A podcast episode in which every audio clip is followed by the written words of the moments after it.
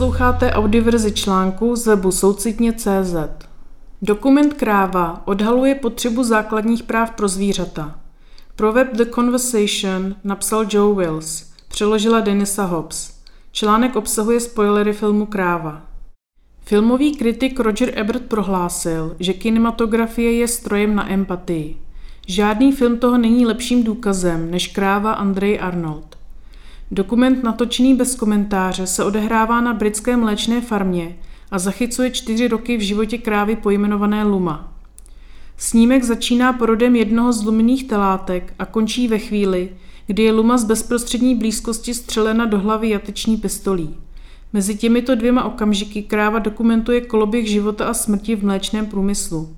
Film zblízka zachycuje rutinní praktiky tohoto průmyslového odvětví a není to pěkná podívaná. Například vidíme, jak jsou vypáleny rašící růžky lumina telátka horkým železem. Také jsme svědky toho, jak se neustále se opakující cyklus těhotenství a dojení spolu se šlechtěním podepisují na tělech krav chovaných pro mléko. Ke konci snímku už luma sotva stojí a její nateklé, infikované struky ji viditelně bolí.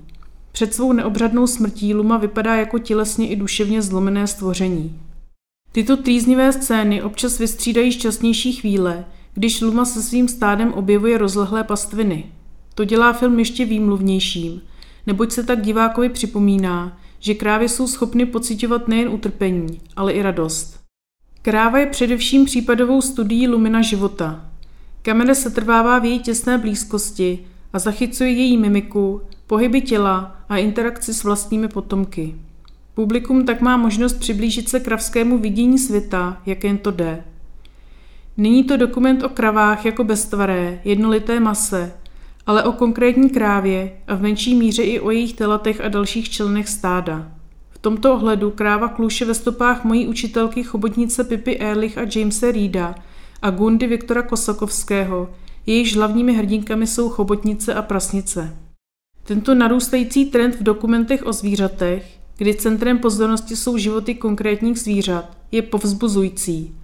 Podtrhuje skutečnost, že zvířata nejsou zaměnitelné jednotky, ale jedinečné bytosti s pocity, vztahy, cíly, touhami a osobnostmi. Avšak kráva zároveň slouží i jako zničující kritika mléčného průmyslu v obecnější rovině. I když se podmínkami farma od farmy liší, film zaznamenává rutinní a téměř všudy přítomné praktiky. Oddělování matek od telat, škodlivé šlechtění a mrzačení jako cejchování, prostřelování uší a odrohování, o zabíjení vyřezených dojnic ani nemluvě.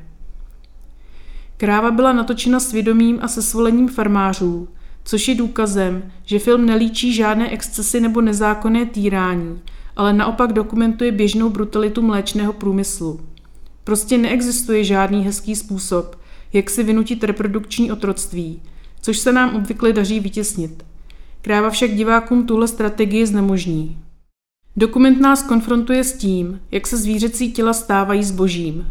Když je s cítícími bytostmi nakládáno jako s výrobními jednotkami a ocitnou se ve chřtánu ekonomického vykořišťování, nutně bude pro jejich životy příznačné utrpení, nemoce a nesvoboda. Nedostatky zákonů na ochranu zvířat – jako právník se zajímám o to, jakou roli hrají právní systémy v udržování podřízeného a zranitelného postavení zvířat a jak se dají změnit, aby zvířata lépe chránili. V podstatě všechny právní systémy zvířata klasifikují jako majetek, což je nezbytný předpoklad pro jejich ekonomické vykořišťování. Zvířata se od jiných forem majetku samozřejmě liší. Na rozdíl od židlí, knih a telefonů jsou to cítící bytosti se subjektivními zážitky a životy, na kterých jim záleží. Právní řády to připouští v zákonech na ochranu zvířat. Předpisy zajišťují jisté minimální standardy péče o hospodářská zvířata. Avšak zatímco možná zamezují některým nejhorším případům zvířecího utrpení, nedotýkají se samotných systémů chovů zvířat, které jsou zdrojem tohoto utrpení. Tak jako kráva zobrazuje brutalitu vlastní mléčnému průmyslu, tak ukazuje i nedostatky současných právních prostředků na ochranu zvířat.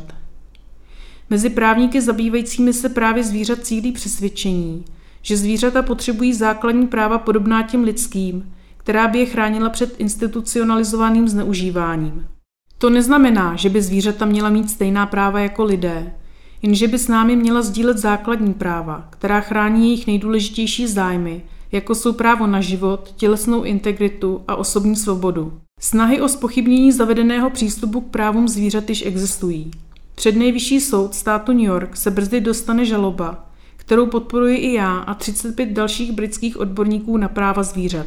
Jejím cílem je osvobodit ze zoo osamoceného slona jménem Happy a přemístit ho do azylu. Tento případ je nový tím, že se neodvolává na zákony na ochranu zvířat, ale na angloamerické právo napadnout nezákonné věznění. Pokud žalobci uspějí, bude se jednat o první případ, kdy bylo zvířeti přiznáno alespoň jedno základní právo tradičně vyhrazené lidem. Mezi americkými zájmovými skupinami, které se proti žalobě vymezily, byla i Severovýchodní asociace producentů mléka, The Northeast Dairy Producers Association. Důvodem jejich odporu je závažný zásah do majetkových práv vlastníků. Tyto dva soupeřící pohledy na zvířata, jednak jako bytosti, které si zaslouží úctu, jednak jako zdroje, které se dají využít, jsou odrazem křižovatky, na které jsme jako druh stanuli. Je čím dál zjevnější, že náš dysfunkční přístup škodí nejen ostatním zvířatům, ale i nám samotným. A tak je ta nejlepší chvíle zamyslet se nad tím, jak se chceme vztahovat ke zbytku cítícího života. Z webu soucitně.cz přečetla Denise Hobbs.